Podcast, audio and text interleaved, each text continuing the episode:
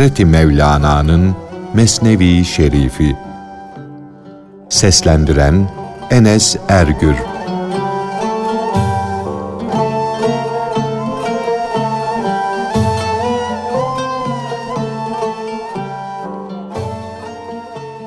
Rahmet denizi coşunca yüz yıllık ölü mezardan çıkar.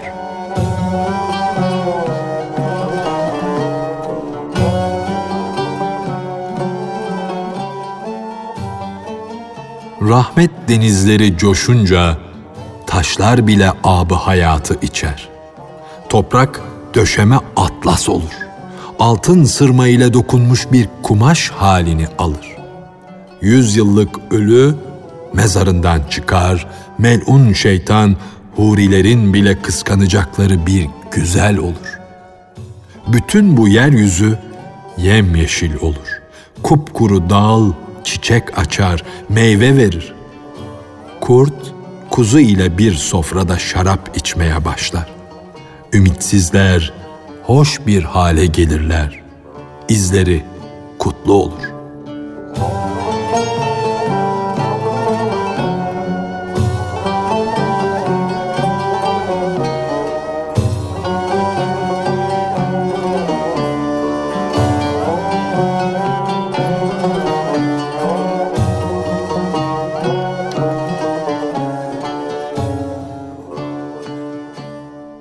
Oduncunun eşeğinin has bir ahırda Arap atlarının çok iyi bakıldıklarını görmesi ve onlar gibi mutlu olmayı dilemesinin hikayesi. Bu münasebetle Allah'ın mağfiretinden, inayetinden, lütuf ve ihsanından başka bir şey istemenin doğru olmayacağının bildirilmesi. Siz mağfiretin zevkine varır, affedilmenin saadetini tadarsanız, yüz çeşit ızdırabınız da olsa size tatlı gelir. Ayrıca sizin çok arzu ettiğiniz denenmiş olan her devletin, her saadetin bir ızdırapla beraber olduğunu şimdi göremiyorsunuz. Nitekim her tuzakta yem vardır. Fakat tuzak gizlidir. Sen bir tek tuzağa tutulmuşsun. Öyle olduğu halde o yemlerin hep senin olmasını istemekte, keşke oraya varsam, o yemlerin hepsini toplasam diye düşünürsün.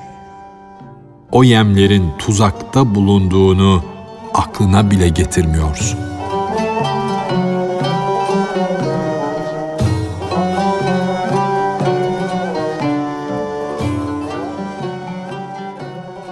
Bir saka vardı. Bir de sırtı mihnetten çember gibi iki büklüm olmuş eşeği vardı. Sırtında ağır yükten açılmış yüzlerce yara vardı. Ölüm gününe adeta aşıktı. Ölümünü arayıp duruyordu. Arpa nerede? Kuru otla bile karnı doymuyordu. Yük altında ezildiği için sırtında yaralar vardı. Bir yandan da sahibi onu demir bir şişle modullayıp duruyordu. İmrahor onu görüp acıdı. Eşeğin sahibi ile de dostluğu, tanışıklığı vardı. Selam verdi, hal hatır sordu. Sonra neden bu eşek iki büklüm olmuş diye sordu. Adam benim yoksulluğumdan, benim kusurumdan bu ağzı dili bağlı yiyecek saman bile bulamıyor, dedi. İmrahor, onu birkaç gün için bana ver de padişahın ahırında beslensin, kuvvetlensin, dedi. Adam eşeği o merhametli kişiye verdi. O da onu padişahın ahırına bağladı. Eşek her tarafta bol gıda ile beslenmiş, tavlı, semiz, güzel, genç Arap atlarını gördü. Onların ayak bastıkları yerler sulanmış, süpürülmüş, samanları, arpaları tam vaktinde veriliyordu. Atların kaşağı ile tımar ve gübre ile ovulduklarını, silindiklerini görünce dayanamadı. Başını yukarıya kaldırdı da "Ey büyük Allah'ım!" dedi. Diyelim ki ben bir eşeğim ama senin mahlukun değil miyim? Neden perişanım? Neden sırtım yara bere içinde? Neden zayıfım? Geceleri sırtımdaki yaraların sızlamasından, karnımın açlığından her an ölümü arzu ediyorum. Bu atların halleri böyle mükemmel, gıdaları yerinde. Peki neden azap ve bela yalnız bana mahsus? Derken ansızın savaş sesi duyuldu. Arap atlarına eğerler vuruldu, kemerler sıkıldı, muharebeye götürdüler. Onlar düşmandan oklar yediler, yaralandılar. Her yanlarına temrenler saplandı. Muharebeden geri dönünce o Arap atlarının sağ kalanları bitkin, perişan bir halde ahıra girip yerlere yıkıldılar. Onların ayakları sağlam iplerle bağlandı. Nalbantlar sıra sıra dizildiler. Sivri bıçaklarla yaralarını yarıyor, yaralarından temrenleri çıkarıyorlardı. Eşek bunları görünce, Ya Rabbi dedi. Ben fakirliğime, sıhhat ve afiyetime razıyım. O güzel gıdaları da istemem, o çirkin yaraları da. Afiyet isteyen, kurtuluş dileyen dünyayı terk eder.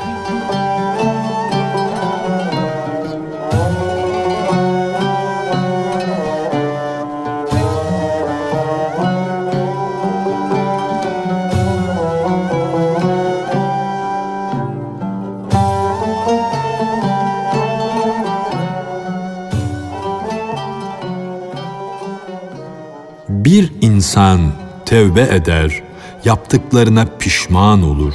Sonra o pişmanlığı unutur da yeniden günah işlerse, yani deneneni tekrar denemeye kalkışırsa, ebedi olarak ziyana düşer. Tevbesinde direnmeye, pişmanlıkta güç sahibi olmaya, günah işlememekten bir zevk duymaya muvaffak olmazsa, dolayısıyla tövbesi kabul edilmezse Allah korusun o insan köksüz ağaç gibi her gün biraz daha sararır, biraz daha kurur.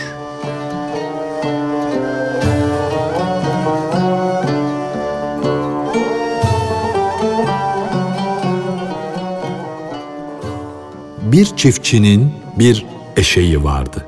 Bu eşeğin sırtı yara, karnı aç, ve çok zayıftı. Gündüzleri ta gecelere kadar otsuz kayalıklarda yemsiz, yiyeceksiz, yurtsuz, aç bir ilaç dolaşır dururdu. Orada içecek sudan başka bir şey yoktu. Eşek gece gündüz o keder yurdunda, o yas yerindeydi. O havali oraları kamışlıktı, ormandı. Orada bütün işi gücü avlanmak olan bir de arslan vardı. Arslan bir erkek fille boğuşmuş, yorulup hastalanmış, ava çıkamaz olmuştu. Bir müddet o yorgunluk, o zayıflık yüzünden avlanamadı, yiyeceksiz kaldı. Onun artığı ile beslenen öbür canavarlar da kuşluk kahvaltısı edemez oldular. Onlar arslanın artığı ile geçindikleri için arslan hastalanınca onlar da dara düştüler, aç kaldılar. Arslan bir tilkiyi çağırdı. Git benim için bir eşek avla diye emir verdi. Çayırlıkta bir eşek bulursan git ona dil dök, büyüleyici sözler söyle, kandır, buraya getir eşeğin etiyle güçlenir, kuvvetlenirsem gider bir başka av bulur, avlanırım. Ben pek azını yerim, artanını siz yersiniz. Ben de bu suretle sizin de yiyeceğinizi elde etmenize sebep olurum. Benim için ya bir eşek ara yahut bir öküz ara. Ne bulursan ona büyüleyici, kandırıcı sözler söyle. Onu güzel sözlerle, efsunlarla büyüle. aklını başından al, sonra çek, buraya getir. Tilki arslana, emriniz baş üstüne, dedi. Hileler düzerek, kurnazlıklar ederek eşeğin aklını başından alayım. Hileler yapmak, büyüleyici sözler söylemek benim sanatımdır. Zaten işim gücüm masal okumaktan, onu bunu yoldan çıkarmaktan ibarettir. Dağ başından dereye doğru koşmaya başladı. Derken o zavallı, zayıf eşeği buldu. Ona dostça bir selam verip yanına gitti. O saf zavallıya yaklaştı. Bu kupkuru ovada, bu taşlık, çorak yerde nasılsın, ne haldesin diye sordu. Eşek dedi ki, İster gam içinde olayım, ister İrem bağında, dünya cennetinde bulunayım. Kısmetime hak vermiş. O yüzden daima Allah'a şükretmekteyim. Dosta hayır zamanında da şükrediyorum, şer zamanında da. Çünkü kaza ve kaderin beterden beteri de var. Madem ki rızkımı taksim eden Allah'tır, o halde şikayet nimeti inkardır, küfürdür. Sabretmek lazımdır. Sabır nimetin, lütufların anahtarıdır. Dünyada Allah'tan başka herkes düşmandır. Dost ancak Allah'tır. Şu halde dostu düşmana şikayet etmek iyi bir şey değildir. Hak bana ayran verirse bal istemem. Çünkü her nimetin bir gamı vardır. Tilki dedi ki, Hakkın emrine uyup helal rızık aramak farzdır. Bu alem sebepler alemidir. Sebepsiz hiçbir şey elde edilemez. Şu halde mutlaka istemek, aramak lazımdır. Cenab-ı Hak Allah'ın fazlından rızık arayın diye emretti. Buna uymak, kaplan gibi zorla çalıp kapmamak lazım. Peygamber Efendimiz de rızık hakkında buyurdu ki, Ey yiğit! Rızık kapısı kapanmıştır. Kapıda kilitler vardır. O kilidin anahtarı bizim çalışmamız, didinmemiz, gelip gitmemiz, kazancımızdır.'' Bu kapının anahtarsız açılmasına yol yoktur. İstemeden almak, vermek Allah'ın adeti değildir. Eşek bu senin dediğin Allah'a tevekkül, ona güvenmenin zayıflığındandır. Yoksa can veren ekmek de verir. Oğlum, padişahlık dileyen, zafer isteyen kimseye bir lokma ekmek az gelmez. Bütün vahşi hayvanlar, yırtıcı canavarlar bile rızıklarını bulmaktadır. Bunlar ne kazanç peşindedirler ne de rızıklarını ararlar. Rızık veren Allah herkesin rızkını veriyor. Herkesin rızkını önüne koyuyor. Kim sabrederse rızkı gelir yetişir. Çalışma zahmetine düşmen senin sabırsızlığındandır. Tilki, senin bahsettiğin tevekkül nadirdir. Bu tevekkülü elde etmek pek az kişiye nasip olur. Nadir olan, az bulunan şeyin etrafında dolaşmak bilgisizlikten ileri gelir. Herkes nereden padişahlığa yol bulacak? Peygamber kanaate hazine demiştir. Gizli hazineyi herkes elde edebilir mi? Haddini bil de yukarılarda uçma, uçma da kötülük çukuruna düşme. Eşek dedi ki, bu sözü ters söylediğini bil. Kötülük cana tamahtan gelir. Kanaate ermekle hiç kimse canından olmadı. Hırs ile de hiç kimse sultan olmadı. Allah ekmeği domuzlardan, köpeklerden bile esirgemiyor. Şu bulut ve yağmur insanların kazancı değildir. Sen nasıl rızka düşkün, rızkı arayan bir aşık isen, rızık da rızık yiyene, yani sana aşıktır. Sen rızkın peşinde koşmasan da o senin kapına gelir. Fakat sen onun peşinde koşarsan başına dert olur, sana ıstırap verir. Tilki, bu hikayeleri bırak dedi. Az bile olsa elini kazanca at. Allah sana el ihsan etmiştir. Bir işi gör, kazan da bir dosta yardım et. Kim bir kazanç elde eder, bir iş tutarsa öbür dostlarına da yardımı dokunur. Çünkü bütün kazancı bir kişi elde edemez. Bir kişi hem dülger, hem saka, hem terzi olamaz. Dünya bu karar üzere kurulmuş, herkes yokluktan, yoksulluktan ötürü kendine bir iş seçmiştir. Ortada bedava sofraya oturup yemek yok. Sünnet yolu bir işe sarılmak, bir kazanç elde etmektir. Eşek, ben dedi, dünyada da Allah'a tevekkülden daha iyi bir kazanç bilmiyorum. Ben dünyada Cenabı Hakk'a şükretmekten üstün bir kazanç görmedim. Ona şükrediş rızkı da arttırır. Aralarındaki konuşma uzadı gitti. İkisi de sorudan, cevaptan aciz kaldılar.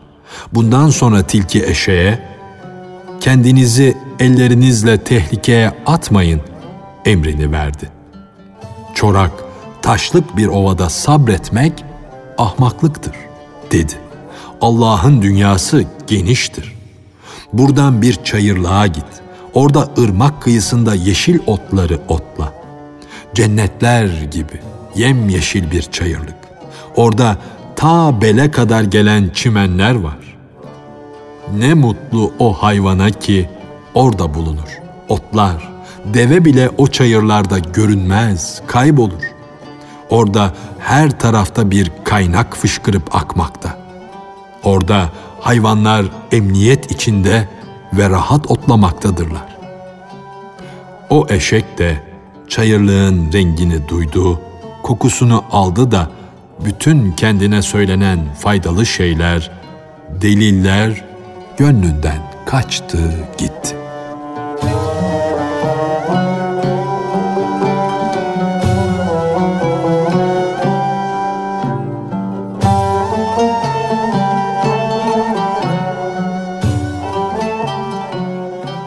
Hazreti Mevlana'nın Mesnevi Şerifi